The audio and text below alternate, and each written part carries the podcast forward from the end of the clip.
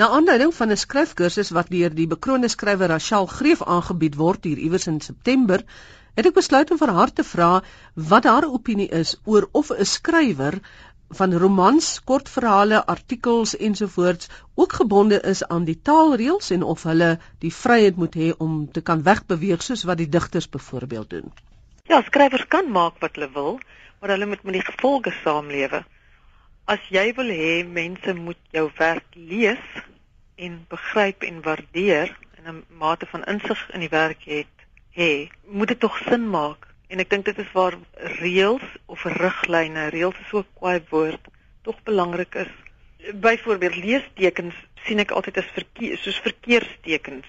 Jy weet dit sê vir jou wanneer jy moet stop, wanneer jy 'n bietjie moet wag, bietjie moet huiwer, wanneer jy moet aangaan, wanneer jy moet afdraai. En jou leser moet tog weet wat jy wil sê. As daar geen taalreëls is nie, dan gaan dit 'n totale chaos wees, 'n babelse verwarring. Maar skrywers moet ook die kreatiwiteit hê, hooplik of hooplik het hulle dit om dit te kan aanpas binne hulle konteks. Ek het byvoorbeeld nou die dag weer daardie pragtige ou gedig van Breiten Breitenberg gelees wat hy geskryf het vir sy pa, 'n brief van hulle vakansie. Dis een van sy ouer verse. Die, die strofe begin met 'n klein letter W, want hy's 'n bokser, dokter, boer. Hy's geskryf H Y S, soos hy's bak of hyser sonder afkappings S. Tussen bokser, dokter, boer, 'n kaptein is geen kommas nie. En so so werk hy byvoorbeeld daai hele strofe verbruik en gebruik ook woorde wat nie in 'n woordeboek voorkom nie. Hy maak sy eie woorde en hy's tog 'n fantastiese digter, een van ons mees kreatiewe digters. En jy jy weet as mense wat kla en sê dit is nie so nie, maar jy weet altyd wat hy probeer doen of wat hy probeer sê. En dis die uitdaging.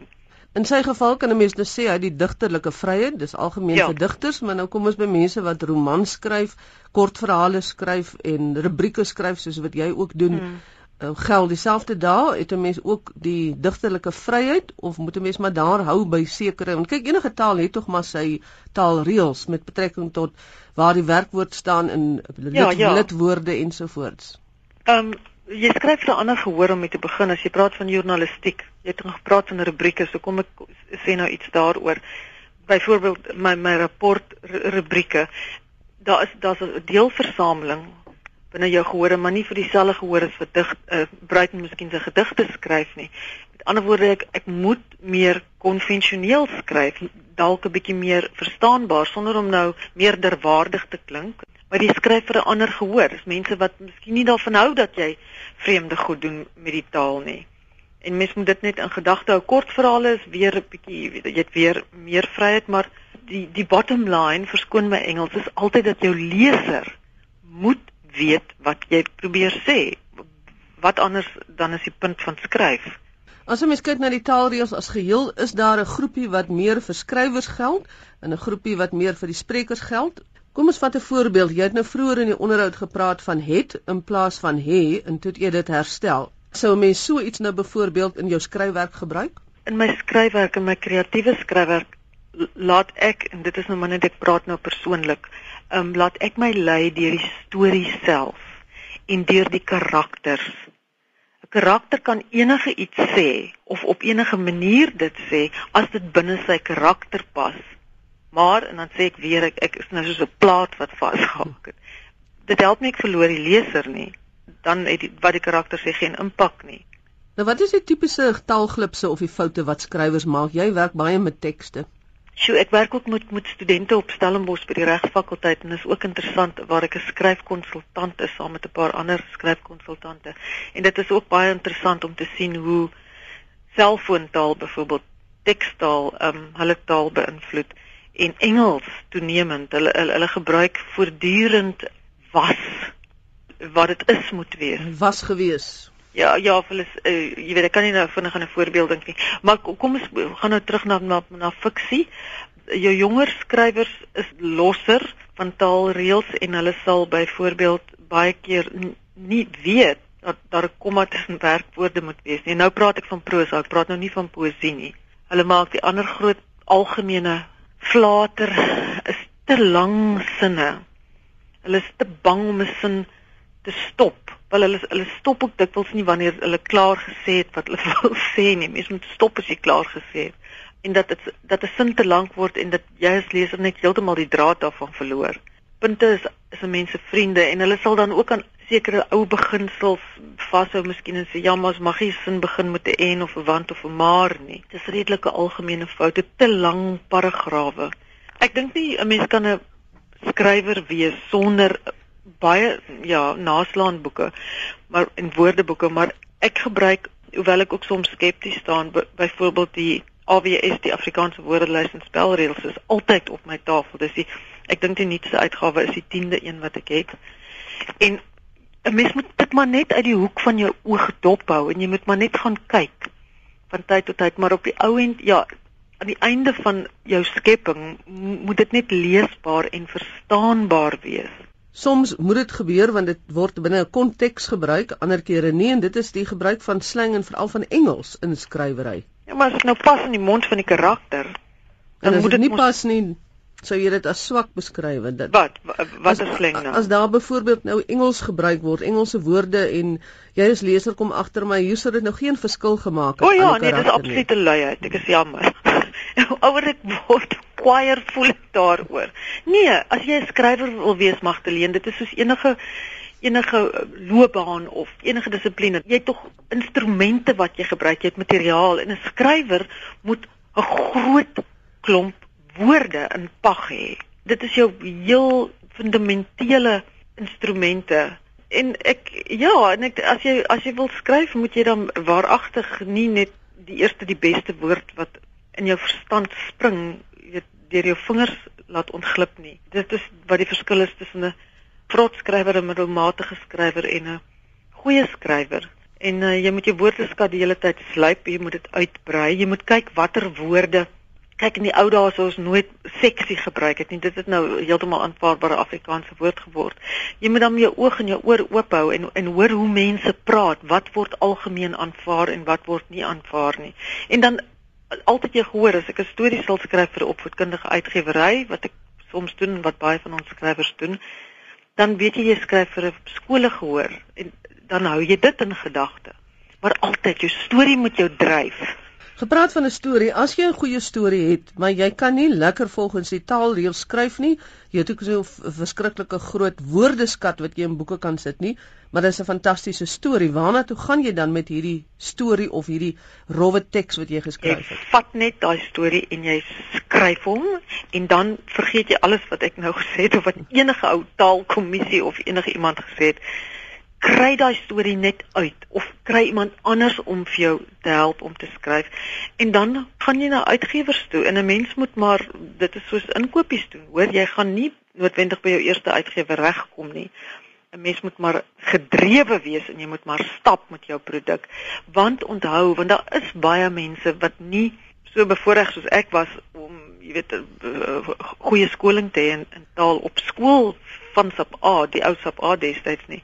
En sulke mense moet nooit ontmoedig word nie want daar is fantastiese stories wat nie vertel word nie omdat hulle hulle dit sien as jy weet eystergordyne wat daar voor hang of, of kom Berlynse mure liewer waar jy nie kan oor nie. Want onthou 'n suksesvolle boek is is tog 'n produk waaraan baie mense gewerk het en dit is die daar is jou uitgewer jou redigeerder wat op die ou end daai teks saam met jou gaan skoonmaak.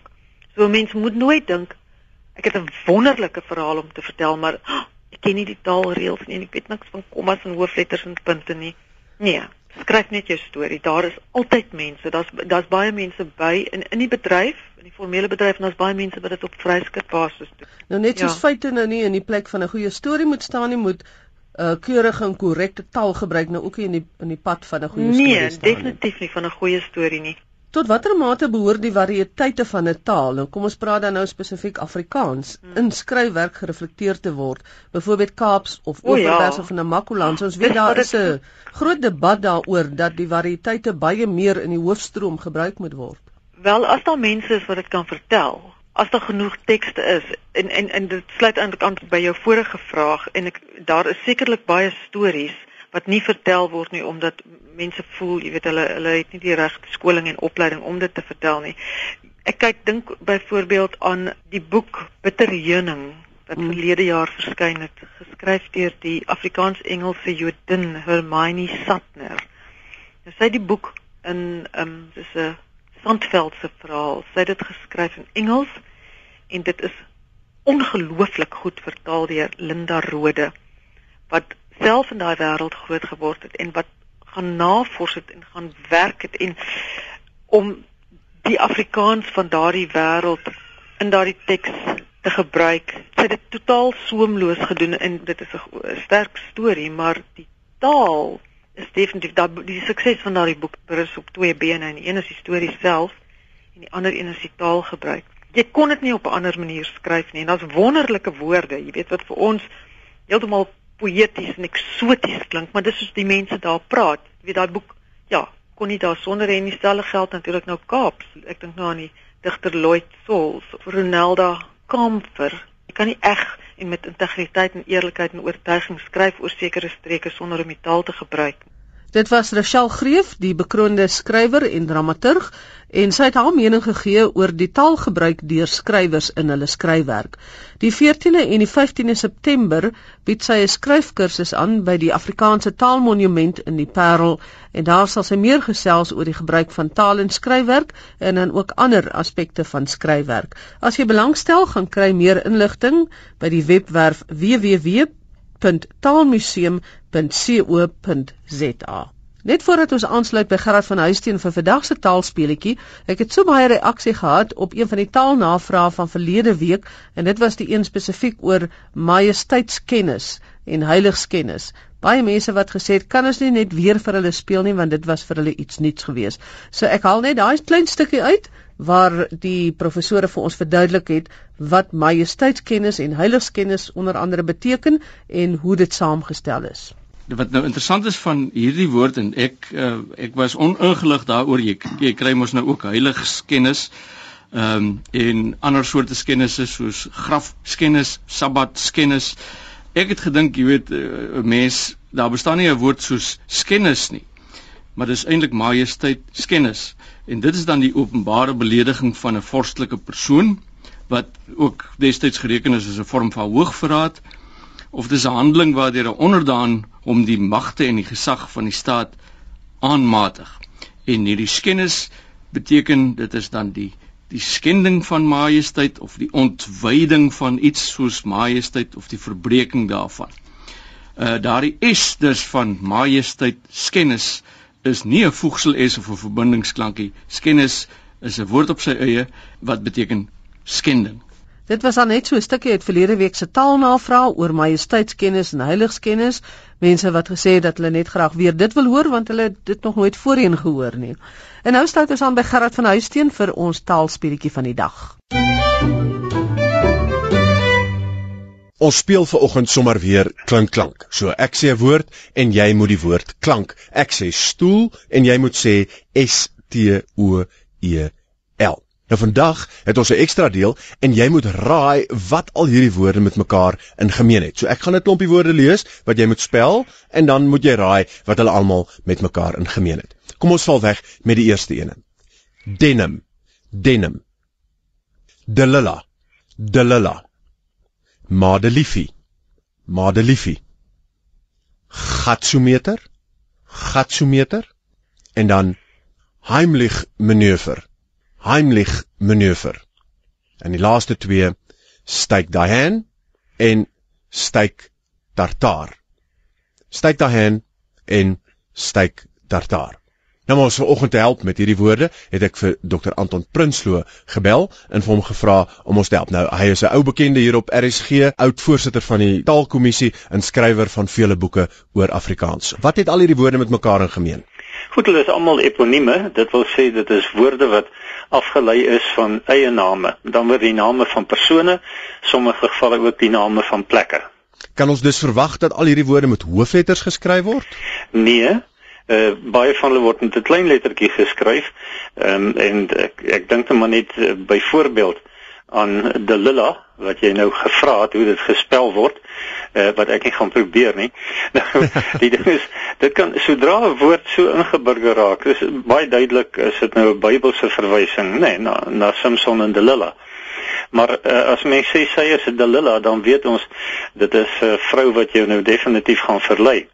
En in hierdie geval uh, laat die ek dink die woordelys en spelreëls laat definitief die keuse by dinge soos 'n jobstrooster ook dat jy dit kan met 'n hoofletter of 'n klein letter skryf. So ons tweede ene Delilla D E L I L A kan jy met 'n hoofletter of met 'n klein lettertjie skryf. Ek dink so. Kom ons gaan terug na die eerste ene Denim D E N I M. Nee, dit is 'n uh, uh, verbrouing van Serge Denim. Nou Nim is die pleknaam in Frankryk en dis waar hierdie keperde of gekeperde wolstof die eerste keer vervaardig is. Toe dit bemark is, het hulle gesê Serge Denim dan word 'n Serge van Nim en die meeste van die uitdrukking het weggeval en toe word dit net Denim en toe later dan net Denim. Dan Madeliefie. Madeliefie is interessant want daar is nou 'n klomp spekulasie daaroor, maar ek dink die beste moontlike oorsprong is dat dit genoem is na die maagd Maria, uh, maar in 'n vervorming van Nederlands Maria Liefse of Maagd Liefse is albei verwysing na die liewe Maria of die liewe maagd, want in ouer Nederlands was maagd die woord vir maagd. Dan die geliefde Gatsometer. Ja. Ja, nou ons moet nie die man uh, regtig vir te erg aanslaan nie want uh, Gatsometer was of is vernoem na Maurice Gatsonides. Dit was 'n Nederlandse uitvinder in 'n tyd en jaar maar jy weet daar in die middel van die van die vorige eeu. En hy het die toestel vervaardig uh om te kyk hoe vinnig hy om die draaie kan gaan. Hy wou sy snelheid meet. En toe dit klomp noem dit nou maar stadsrade of wat ook al dit agterkom hulle kan 'n klomp geld hieruit maak. En, en nou dis daar is nou absoluut 'n gehate ding. Presies. Die spelling is interessant ook met 'n klein lettertjie G A T, nee, S O M E T E R.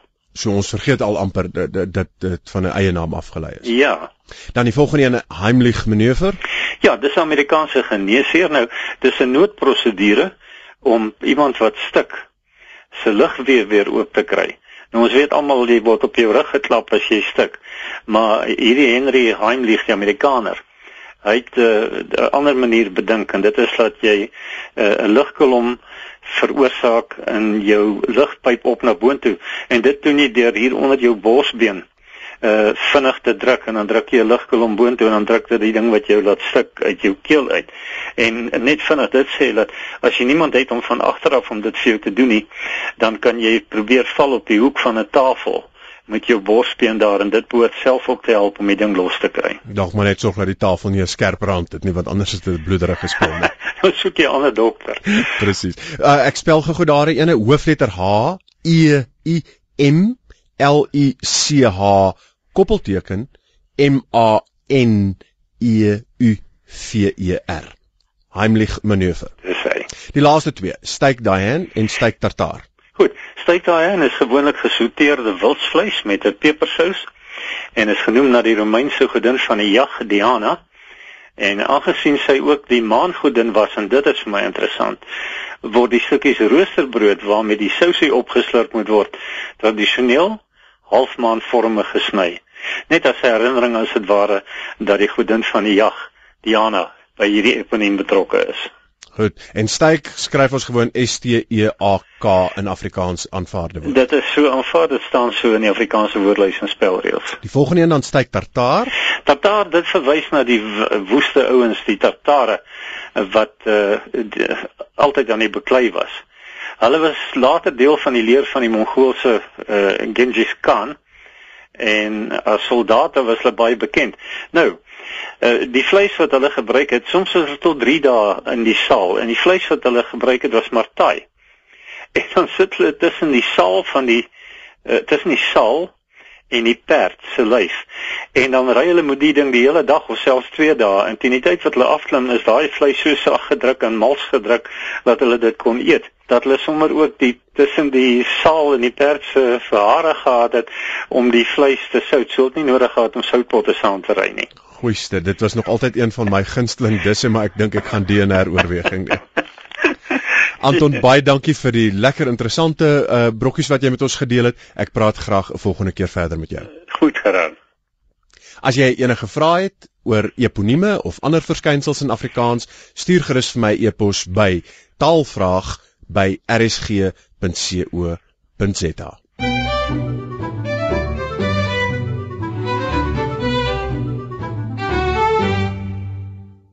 by rsg.co.za. is vir my hele oorspronklike manier om jou vleis so sag te maak, so tussen die saal en die pype. Maar nou ja, nou is daar ook nie meer deesdae so baie fiets en maar ek hoop net jou Sondagmaal het op so 'n manier sag geword nie.